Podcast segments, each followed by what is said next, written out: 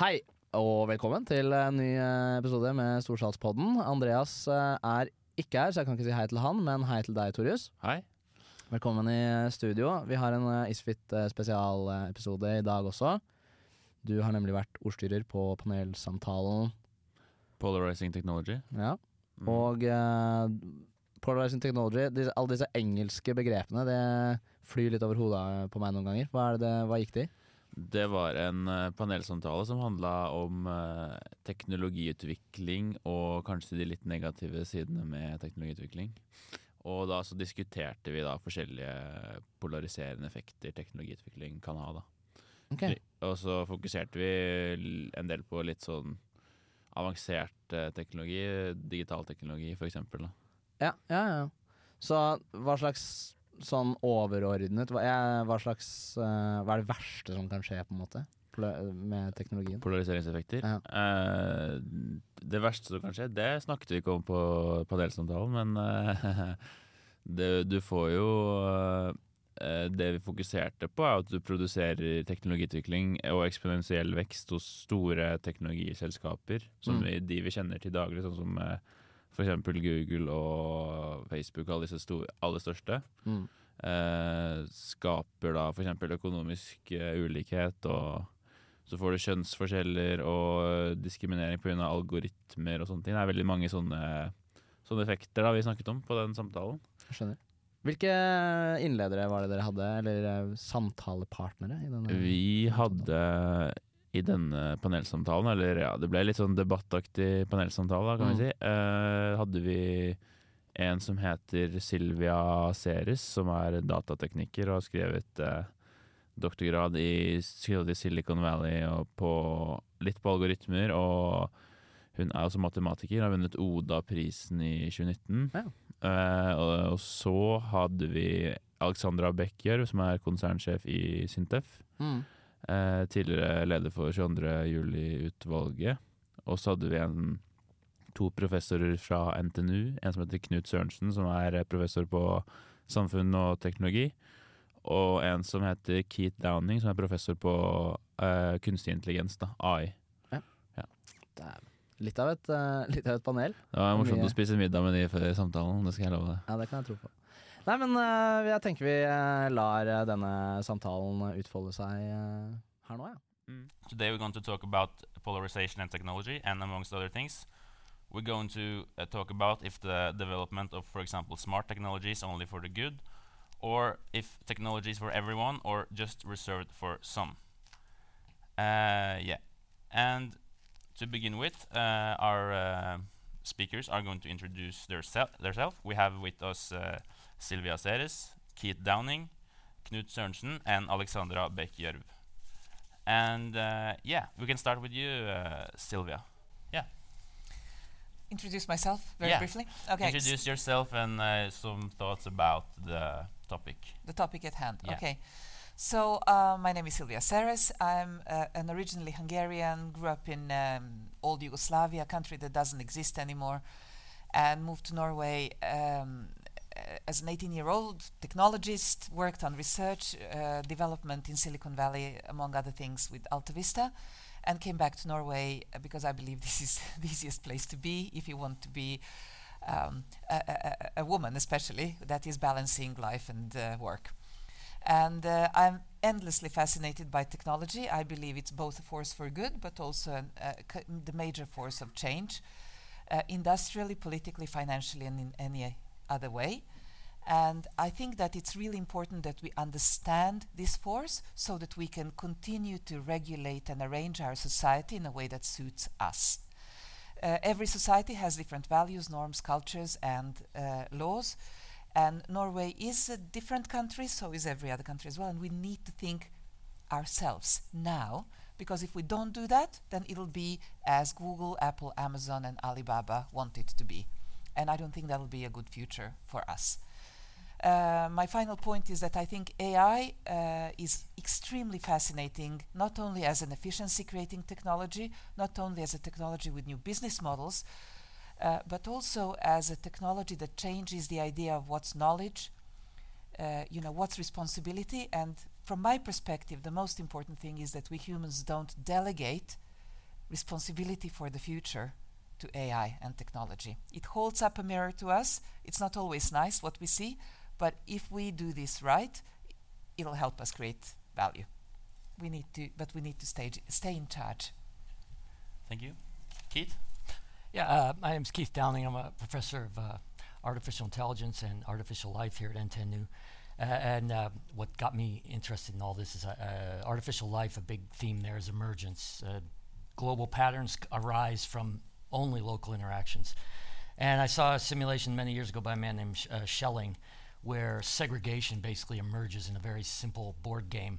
I won't go into the details, but it, it's an example of a, a phenomenon called homophily, which is that we like to we like to talk to people who are like us. It doesn't mean we don't like people who aren't like us, but we just like to hang out with people who are similar to us, and that leads to uh, uh, can lead to segregation, even though we're not anti anything really. And it leads to this clustering effect, uh, where clustering could be either we're all the same or we're polarized into a couple different clusters.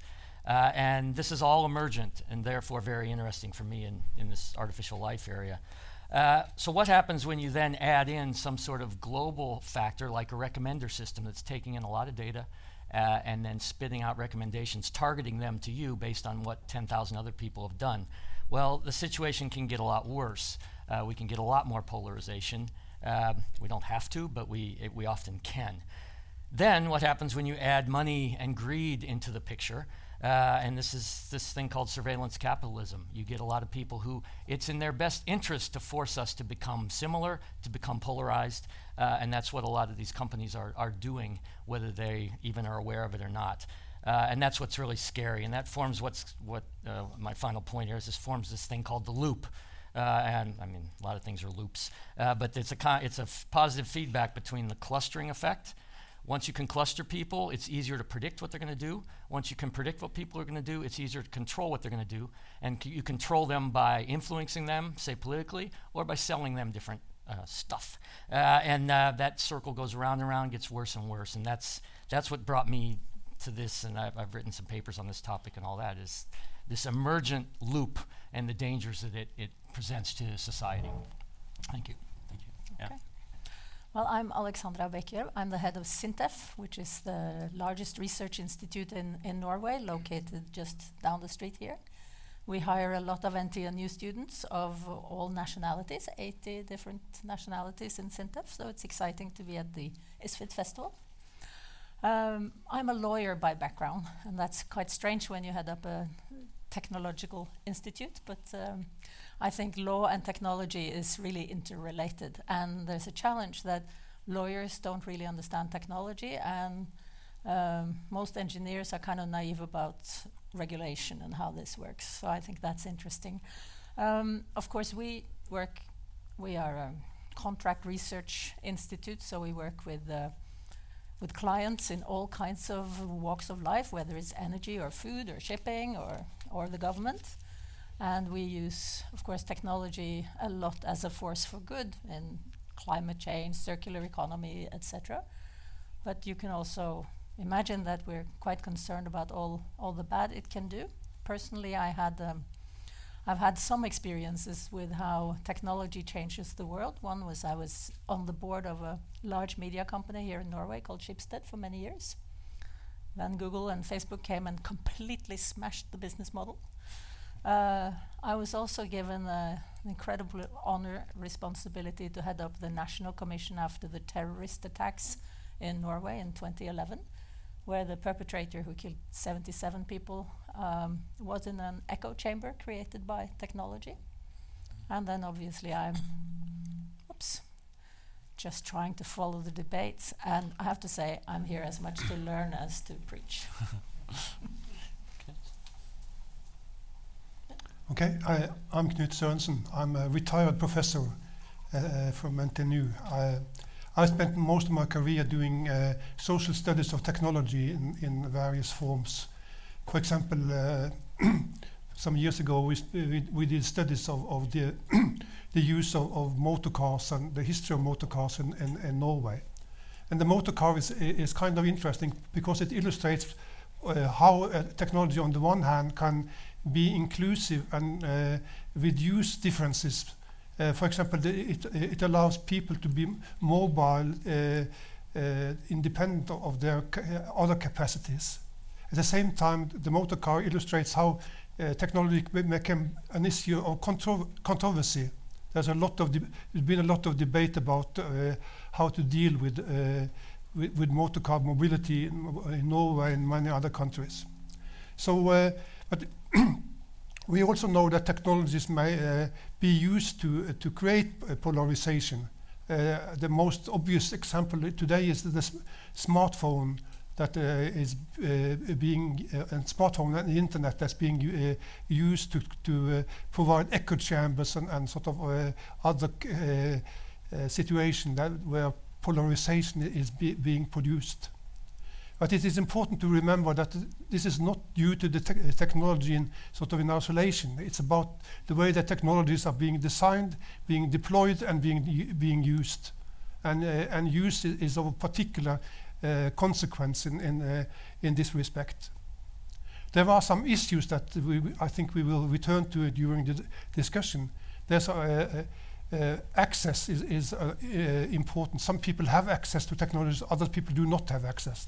That is a kind of, of polarization.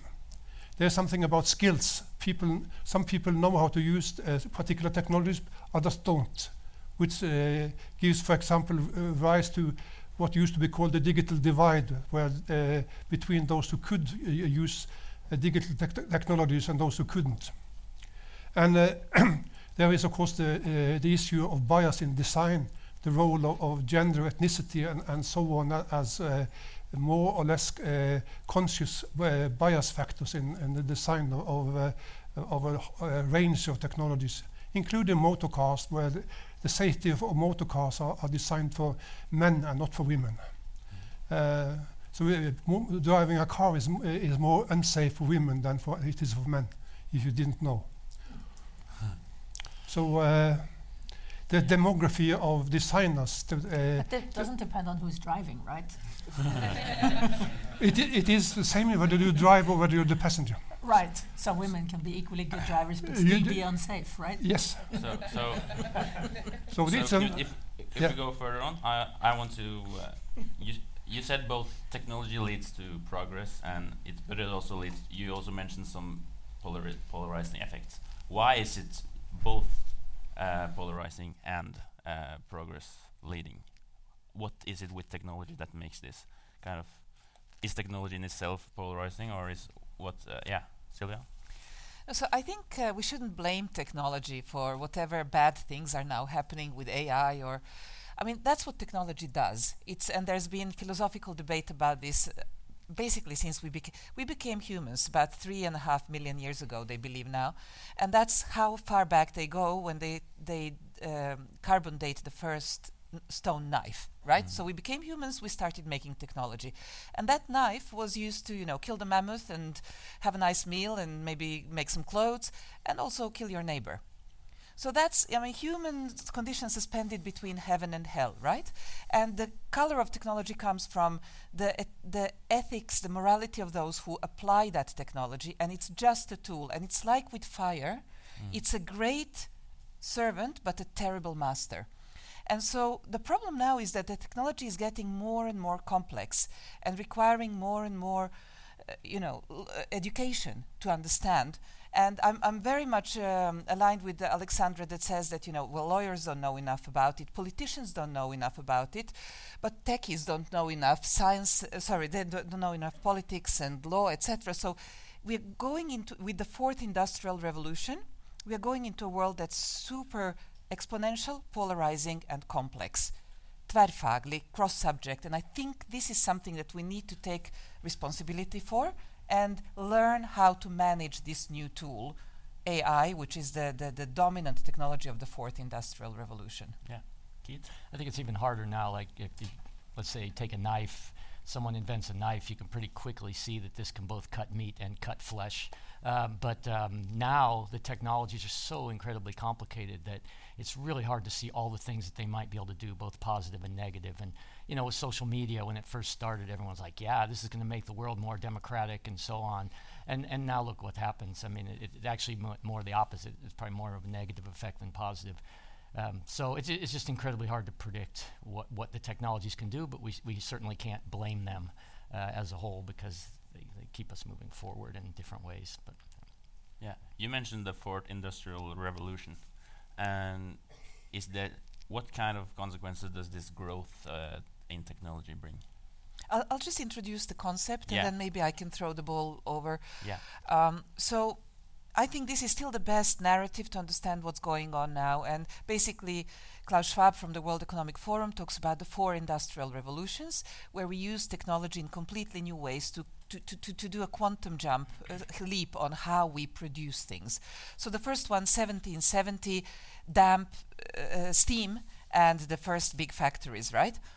Uh, capitalism took the place of feudalism. So every production and, and completely new way of making war and uh, you know you uh, Great Britain became the world power because they did the steamships m- maybe in line with the Dutch etc so second industrial revolution 100 years later el- um, electricity and assembly line uh, uh, so uh, mass production. Third 100 years later again 1970 IT and electronics, and now we have the fourth industrial revolution, which is cyber physical systems, everything driven on data and algorithms.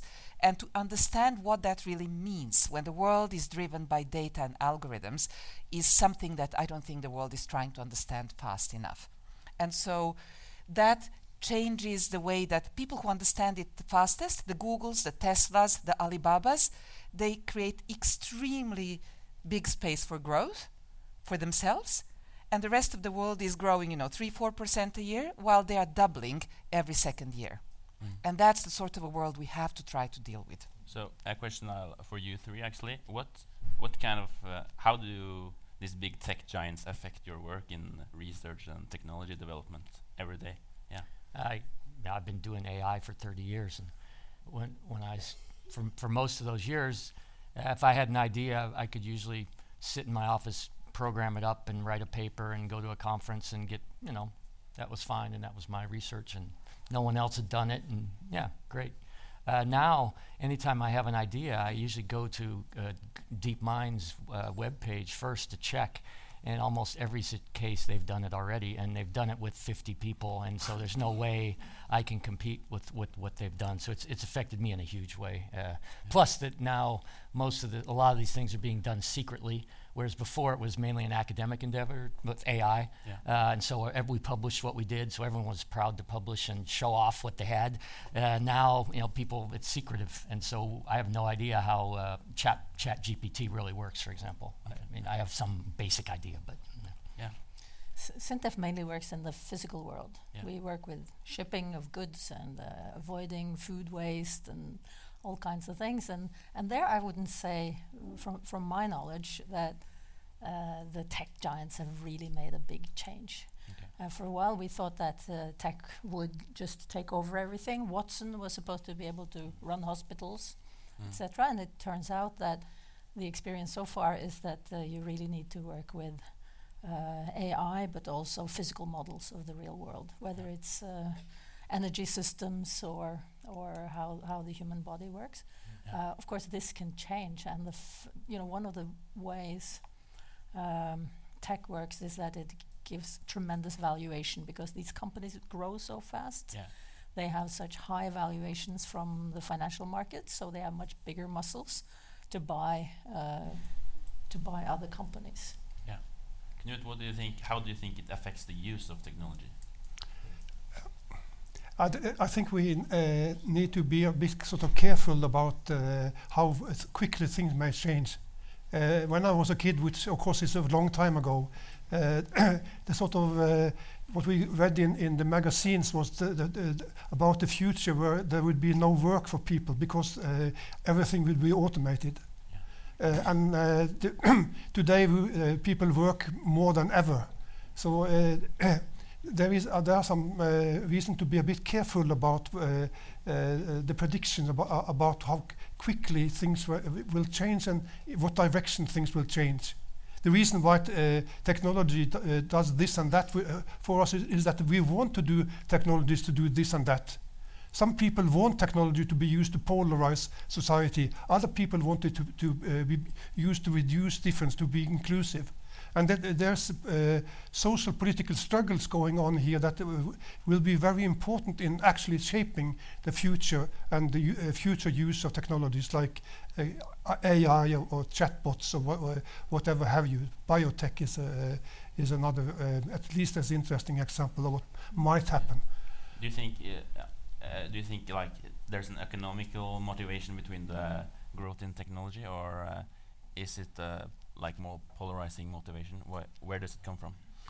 Of course, there is al- always an economic motivation, and I think uh, you know if something is possible to be done and somebody can make money of it, it will be done. Yeah. And then we haven't even started the kind of uh, political human rights side of these things because as there as well, if it can be used for political control, it will be used for. It's really important to try to understand things like Cambridge Analytica, and also the lack of, uh, for example, safe ID for everybody in the world, etc.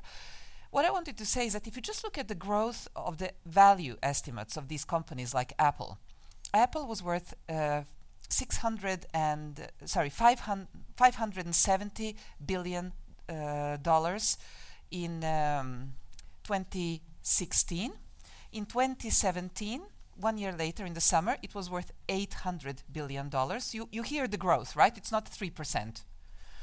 And then the year after, it was worth a thousand US billion. That's a trillion. That's basically a one with 12 zeros. That's value of one company, and that's bigger than the national economy of most countries in the world. Of course, there is a huge motivation for this growth. I mean, you know, people who pay that much money for the Apple stock, they want to get uh, dividends on their stock. That's why they pay so much money for that stock. So the, the danger now is that companies like Apple, Google, Amazon, I think they will be moving in health because that's the biggest market everywhere in the world. And we are going to spend the last penny, kroner, or Bitcoin we have on health services for uh, ourselves and our families. And if we let them make it into their market, we are going to lose political democratic c- control of an industry that's super important to us. And they are going to be moving there with the watches, with the rings, with whatever you're going to be building in in your teeth or lenses or something because there is so much money to be made there. That's why they work on the, you know, three, 300 year lifespan. Yeah. Keith. I think that um, a lot of the financial side of this for a lot of these companies is just your eyeballs, your clicks, right? I mean, the more you're looking at a page, the more things you're clicking on, the more money they're making for ads. Uh, and so it's to their advantage that you're online a lot and you're clicking a lot. Uh, and how do you get people to do that? You show them stuff that pisses them off. You don't show them stuff that makes them happy. Uh, and so uh, you, I mean, controversy sells. Uh, and so when people are polarized, I think it, it's just to their advantage as opposed to everyone just being happy. Uh, yeah, that, that's that's the most raw emotion is is anger, not not contentment. It's, it's interesting. When I was born, the, the top talent of the world was busy working on putting a man, a man actually, on the moon.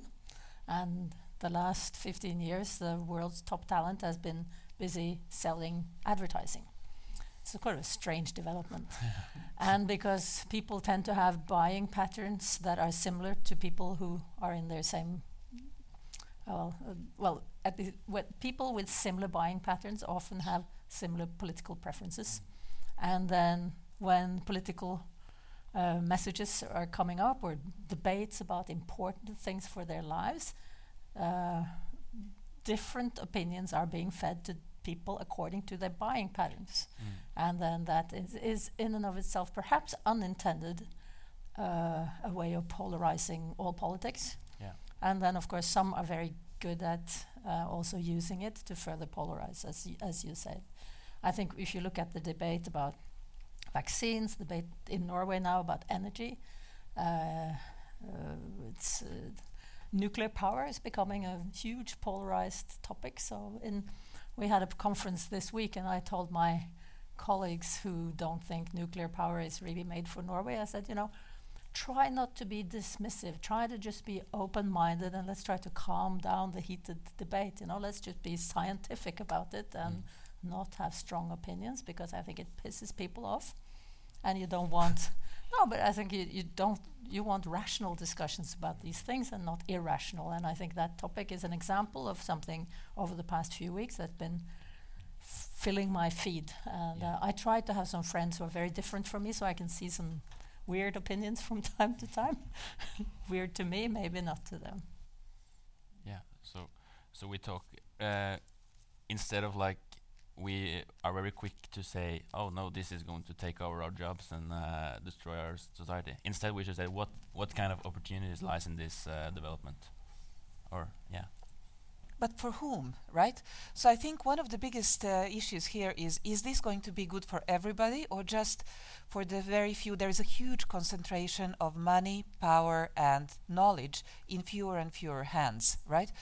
And um, uh, Oxfam has this really interesting annual research where they count, you know, how many people do you have to have on one side of the scale uh, to with their joint wealth to balance the uh, ha- half of the world that's poor, uh, poor, the poor half of the world, right?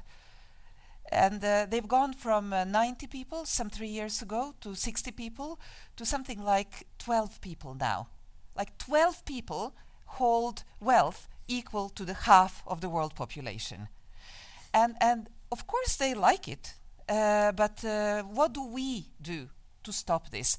And I'm very much influenced by three books I just want to throw on the table. One is um, Zuboff, and you mentioned surveillance capitalism, that talks about how we have to try to understand what's going on now. Otherwise, our children are going to lose a lot of their democratic power that we have today.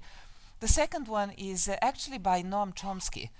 Uh, actually, just conversations that he has uh, done, and his, uh, you know, discussion about how important it is to keep things so still in, in spite of all of these great technology, physical and uh, you know the communal work, the responsibility for each other, the, what makes us human, and how important that is. And uh, and then there there is people like Joseph Stiglitz, a Nobel Prize winner in economy, who talks about you know we have to stop leaving everything to the markets because now markets are on steroids and the very few companies and the very few people can dominate and manipulate these markets with their algorithms and technology in ways that are not going to be good for the majority. Yeah. Knut? And the, the, the point is that we have to believe that democratic control over technology is possible. If you don't believe that democratic control is, is possible, then we have lost.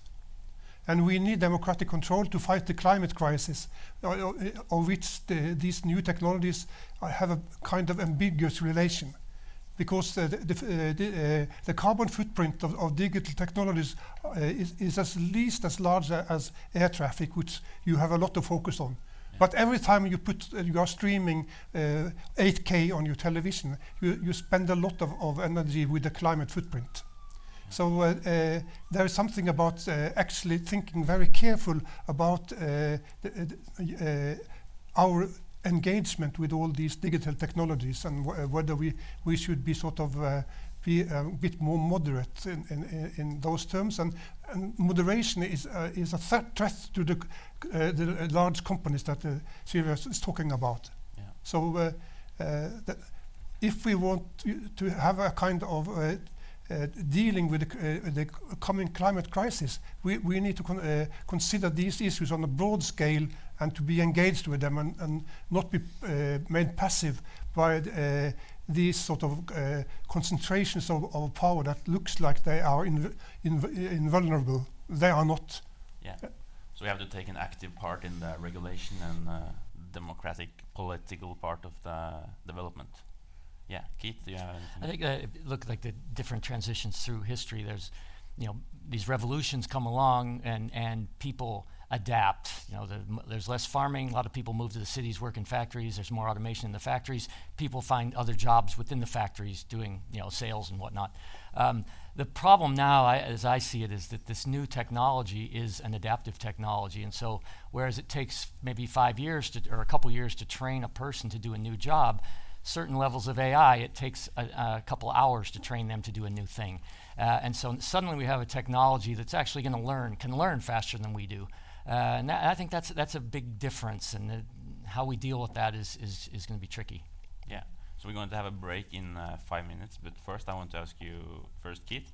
Uh, you talked about algorithms, AI, Can you explain to us what is algorithmic bias in a short uh, matter? Uh, yeah, I mean the, the, the algorithmic bias. It's actually the, the, the data is the these these machine learning systems you train up these days. They uh, they're based on data. Uh, the systems don't have any really. They don't have human knowledge that we directly put in there. So I can't put in knowledge that says you should you should not discriminate against women, for example. I just give it a lot of data about situations where it's hired people in the past, for example. Uh, if the if we've happened if a company happens to have hired more women in the past than men, this, the the algorithm will say hire Knut instead of Sarah, right? Just because he's a man, and it won't even necessarily say that. And in fact, we the system may not even know the sex of either applicant, but it will. Uh, it will still pick Knut because it indirectly figures out his sex based on a lot of other information that Knut gives, like maybe he, I don't, whatever. I don't want to say something. yeah. So, oh, he likes soccer. No, okay. Anyway, so but the the bias is just that one group is not being treated fairly like the other group is because of the algorithm that underlies the system, mm-hmm. and the algorithm itself is we know how to train the system, but once the system is trained, we don't actually know how it's making its decisions, okay. and that's it's an, a, a secret bias, you but could say. But uh, how did this? Why did does this bias happen in the first place? Uh, partly because the data uh, we're using data that we we uh, we it's hard to make the data balanced and also because we don't have total control of the algorithm itself. It's learning. It's not even though it's programmed by a person, that does not mean people have 100% control over what it actually learns. Okay. So, yeah. so Knut fast, and then Silvija on break. Yeah. One of the reasons why there is this bias is that the, uh, the tech industry is dominated by uh, white men. And uh, the tech industry in Silicon Valley is famed as being sexist and racist. And uh, this kind of, this this kind of culture is of course also uh, part of, of introducing a, a, bias that uh, uh, a lot of white men find natural. Yeah, now, just very briefly, um, I think you said if you've hired women in the past. I thought you, I think you meant men, right? And um, and and I think basically the bias is there because we humans are biased, right? Yeah. And uh, our job as humans is actually not to let the machine uh, grow these biases out of our proportions. Nick Bostrom has a really cool example. You know, AI will just do what you ask it to do. Basically, it's an optimizing machine. So if you tell it, please optimize, you know, uh, the production of these, um, uh, I don't know, uh, uh binders, paper clips, paper clips you know, uh, it might actually end up destroying the world because that's the best way to optimize the production of all the, or humanity at least. Uh, yeah. to, you know. so the point is, AI does what you ask it to do, and it bases its you know best predictions on history and history is biased because we are biased but it's our human responsibility to keep fixing our past mistakes. Remember at some point in the past slavery was perfectly fine right? That was the way the world worked. And then there were some people who broke those rules, changed the rules so that we would have a better world for tomorrow.